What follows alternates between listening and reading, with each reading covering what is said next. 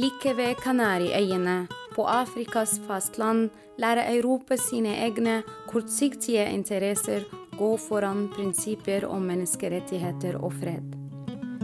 Velkommen til Sandfast, vår podkast om Vest-Sahara, den siste kolonien på det afrikanske kontinent.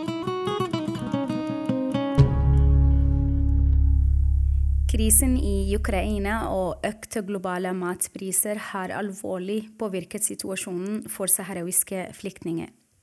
I august appellerte tre FN-organisasjoner verdenssamfunnet om økt humanitær bistand til flyktningleirene i Algerie, som følge av økte matvarepriser.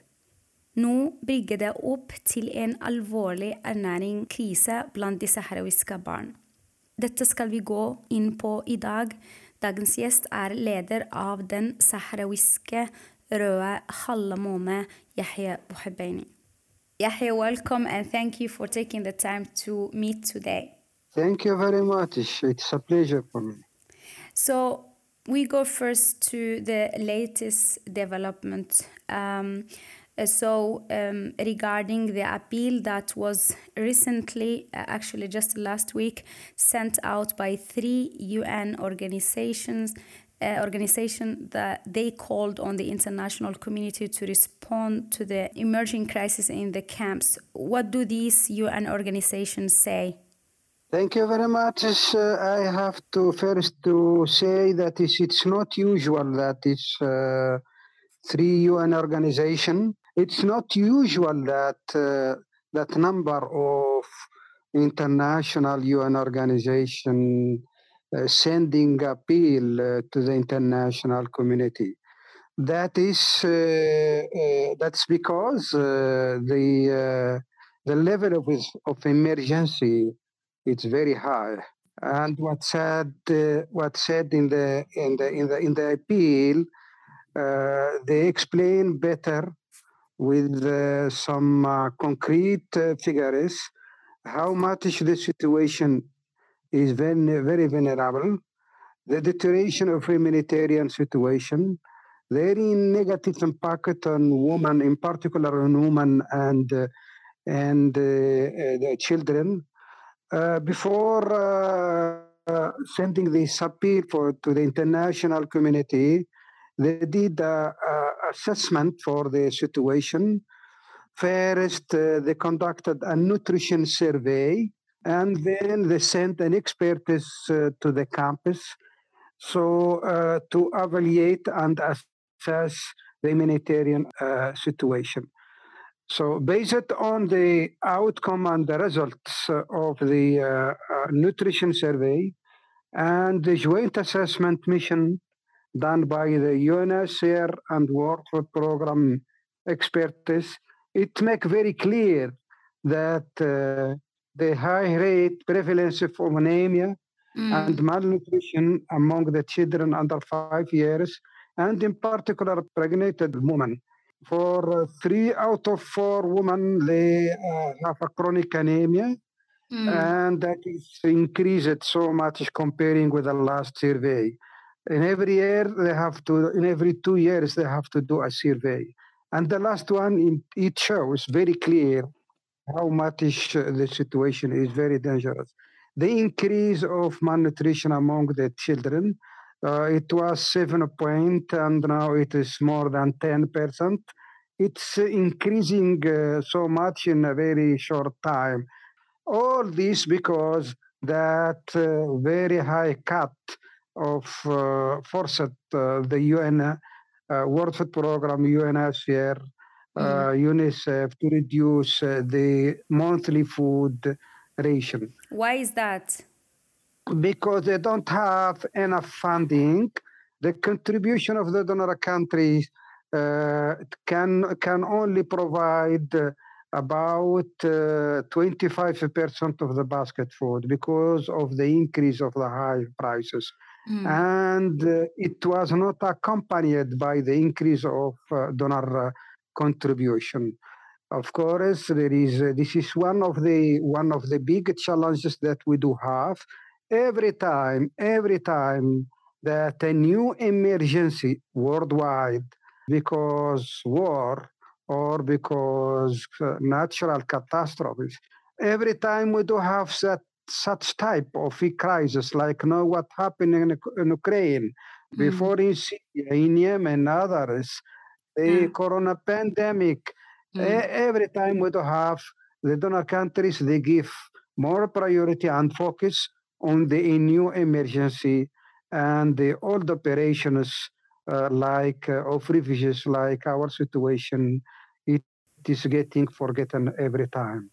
And we will come back to some of these topics, but just for people to understand. So, the camps are basically dependent on humanitarian aid. Could you elaborate more on that? And also, you are the leader of the Sahrawi uh, Red Crescents. And what is the main work of your organization? And just for the people, I'm sorry for the sound, that was the coffee machine. Could you talk about that the camps are dependent on humanitarian aid? And what is the work of the Red Crescent? Uh, yes. You have to know that is uh, the camps they are located in a rocky desertic area, lack mm. of water, very salty soil, and uh, windstorm, and it reaches uh, even 48, 49 degrees. Uh, that limit any kind of agriculture because for agriculture you need water, you need a good soil, uh, no, it's not possible to do uh, good agriculture here in the in the in the in the campus. So the location that uh, doesn't permit that kind of activity that makes the people less independent to international community. Mm. If this humanitarian aid will not arrive to the people in the middle of desert, what they have to do? Agriculture not possible water even after 46 years in, the, in, the, in this place uh, according to, to the international emergency standards of WHO, uh, the uh, World Org- Health Organization, we have to give a day 20 liters a day a person. No, it's not the case. We are give, giving about 50 liters a day a person. What to do with that one? To do all this your cons- your consumption? It's not possible. Just to give you an idea we are, we are in algeria. The uh, average of uh, uh, daily consumption of water it's 175 liters. It's more than 200 uh, liters a day in spain just to compare to that one that is we are providing with a major difficulty 50 liters uh, of water to the refugee uh, population. Mm. Some of them, about half of them, we provide them with water trucks. I was one time in Italy. I show the photo of a truck uh, distributing uh, that water in the camp, and I asked the students where I was with them, what is this truck is uh, supposed to be used? all the answers they were not correct. Because all of them they said it is fuel they are distributing fuel. No one can imagine that we still after 46 years we are distributing water in water trucks. So need number one which is water it's not covered.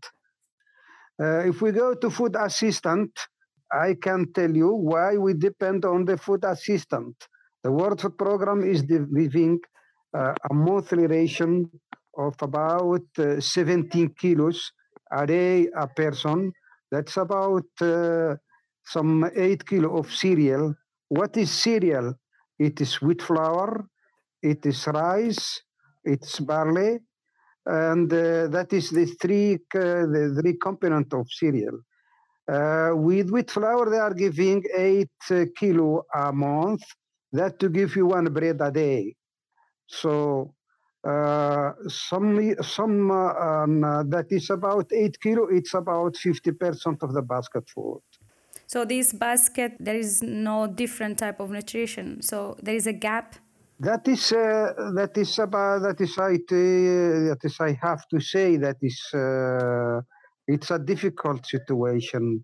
The wheat it's a crisis worldwide with the mm. wheat, uh, because that is because this war in Ukraine, mm. and uh, that make a big problem. It's not only the increase of the prices, but also the lack of. Uh, it's not difficult to buy at the from to World Food Program to buy commodity like such like that one from the international market. It getting uh, the prices are high, but oh, it's not easy also to find the, the sufficient quantity. And you cannot compete with uh, with uh, with international companies because you are a humanitarian agency uh, you have a few resources and you want to buy more with that few resources.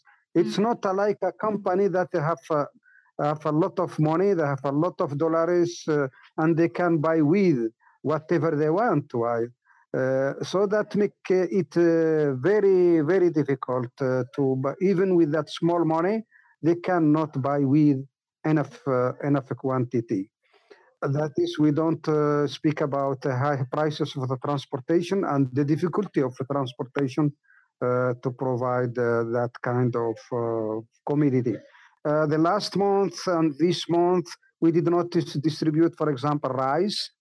We did not distribute lentils lentils we have to distribute two kilos of lentils per person per month, one vegetable oil, and 750 grams of uh, sugar that is to be given to uh, the uh, most vulnerable uh, persons uh, in the camp. And I mean, the situation is is very serious, and all the ration, the food ration that you talk about, it's very, very, very low if the international community cannot give enough aid to the camps, what is the consequences for the refugees as you see it? Uh, so as you as you can guess, uh, when you are in a desert and you have nothing to do, and you cannot make agriculture, you cannot uh, uh rely on on your own resources because you don't have source of income Hmm. From where that resource of the income you can you can find from agriculture, from industry, from employment. That doesn't exist. That you don't have here because you you you you depend uh, entirely. The majority of the refugees they are depend on the on the, on the humanitarian assistance. Hmm. So what you guess? It's more increase of malnutrition, increase of anemia. Then hmm. what you more guessed? You can get also a hunger. And of course, when you reach that level, it will be life losses. So all this assistance that UN giving, they mm. are giving saving life assistance that people can survive with. If that ration is not arriving, if you don't have the, the, the enough quantity of water, if you don't have a shelter, what what will be the consequences? Of course, because this is the basic uh, basic uh, need that we have uh, we have to provide to to the revisions. Of course, uh, you can imagine uh, that the situation it will be more worse. You can imagine a hunger problem. Mm. You can imagine that the people they can they can die yeah. So uh, this is the big this is the big uh, the big problem. If I am in a party in Asia or in Africa, I will manage to do my agriculture. Mm. I will mm. go to a river from where I can get water. Here there is no river. There is no such possibility to make agriculture here. So what to do? The Sahrawi usually they dislike to ask assistance the Sahrawi usually they, they always like to find a way how to satisfy their mm. oil needs by themselves. But when you find yourselves in this very difficult situation, uh, it make a very uh, very big difficulty from material point of view, but from psychological also and moral point of view. Mm. Yeah, but as you said, like the the conditions of the camps or the location of the camps, it make it um, maybe limit the possibilities for the Sahrawis to be 100% self uh, sufficient. But just coming back to the appeal from the United Nations agencies saying that uh, food ration are cut by 75%, as, as you said, and I think it's really important that the international community, they respond quick to, to, to this appeal. My question to you um, Do you have any message to the Norwegian government? I mean, this podcast is in Norway, done by the Norwegian Support Committee for Western Sahara. Do you have any message to the Norwegian government or any NGOs or group who might listen to, to, to this uh, episode? Okay, uh, I think uh, uh, in the beginning I said it's not usual that is three, four UN international organization made an appeal. Mm. That is to indicate how much the situation is dangerous. Uh, an appeal for the international uh, to the international community. I wish that this uh, government worldwide and in particular Norway respond to this appeal uh, as quickly as possible. Uh, Norway know the situation in the Western Sahara. They were providing assistance for some for some years to the hospitals, and they were working also providing assistance in nutrition mm. nutrition sector. Uh, so it's very important because they were providing assistance to the most vulnerable, uh, most vulnerable categories of the population. So it's a time now to show solidarity to the Sahrawi people. I know that is uh, we uh, that is always uh, this time when we are asking assistance and the contribution from many donor countries, and in particular in Europe, they are saying, "No, look, we do have Ukraine." Yes, I know that you do have Ukraine. And uh, people of uh, Ukrainian uh, people, they need uh, assistance. Mm. And I know that you cannot give assistance to all people worldwide. But also we, uh, we are in a need and we are in this very difficult situation. Let's hope that his friends and the government of Norway uh, listen to this bill and give contribution. Uh, sometimes also the ambassador of Norway in Algiers, they visit the camp together with a mission of donor countries. And they, I think they know better about, uh, about the situation. We are going to organize another mission for donor countries to the campus on next November. Mm. That will be also another opportunity that uh, Norway government know better about uh, this situation. But we now are speaking about emergency, and I call all the uh, international community, NGOs, international organization, government in Norway or outside Norway uh, to provide assistance as quickly as possible. We are very sad because we are living in a camp for about 46 years. We know our country is very, very wealthy one, normally, if we are in, in our country, we are supposed to give assistance to the others. We are supposed to give support and mm. humanitarian. But we are very sad that is our natural resources is exploited by others. And in the meantime, we are asking for, uh, for, for, for, for assistance.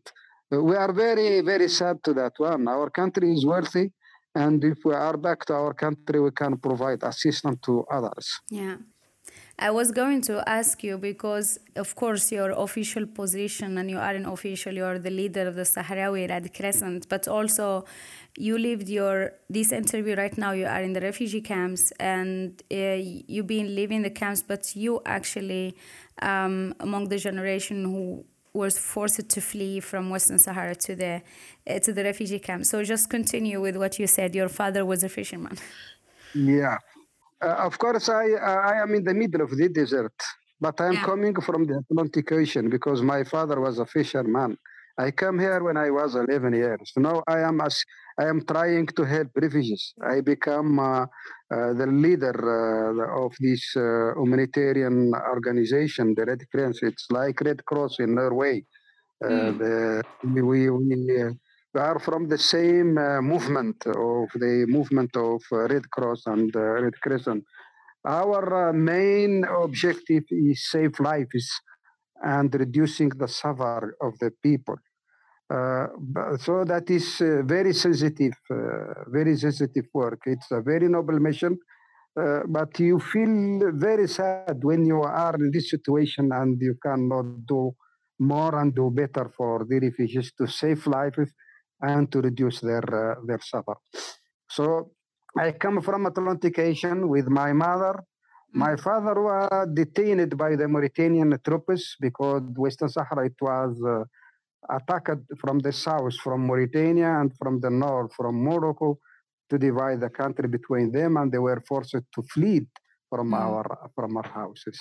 In the beginning, there is were no there were no thing. We come to this camp, uh, this place of Algeria, no water, nothing. So from that time, I uh, uh, they send me Alger to the Algerian primary school with a lot of kids.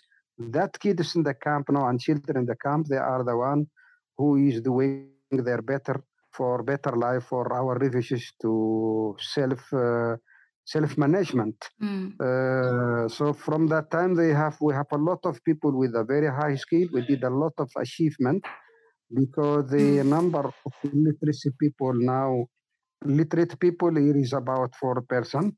That is a very big uh, achievement in our, uh, in our history. Uh, that is, uh, we are number two in Africa. Uh, so the people, they are very, uh, a lot of people, qualified people, young people with a very high skill, but what to do in the camp? This mm. is the big problem. That what what what kind of uh, work that you can you answer uh, to do for uh, for refugees. Mm. So this is one of our big challenges as uh, um, quality as a person, refugee, mm. but also in my quality as a head of organization. When you find yourself in this very bad situation, that kid is uh, suffering, uh, they are affected by chronic malnutrition uh, woman uh, with a very uh, chronic uh, anemia. You mm. know what will be the next if you don't providing. You know you, you, you are very much aware about will be what will be the next if you're not providing that safe free, saving life uh, saving life assistance. You know how much it will be the danger. You know how mm. much how much that the people can lose lives. So mm. your mandate number one is to save lives. Your mandate number one is to reduce the suffer of the people. So, but your lack of resources, and the only thing you have to do is to cry, to call for the international community, as we are doing actually, uh, mm. calling international community uh, to to provide uh, this uh, this assistance. Yeah, we're coming to the end of this episode. And uh, again, thank you very much for your time and thank you for your service. And I really hope that the international community and country that I call second country, Norway, that they will respond to your appeal and the appeal of the UN agencies in the camps. Thank you very much. You're welcome.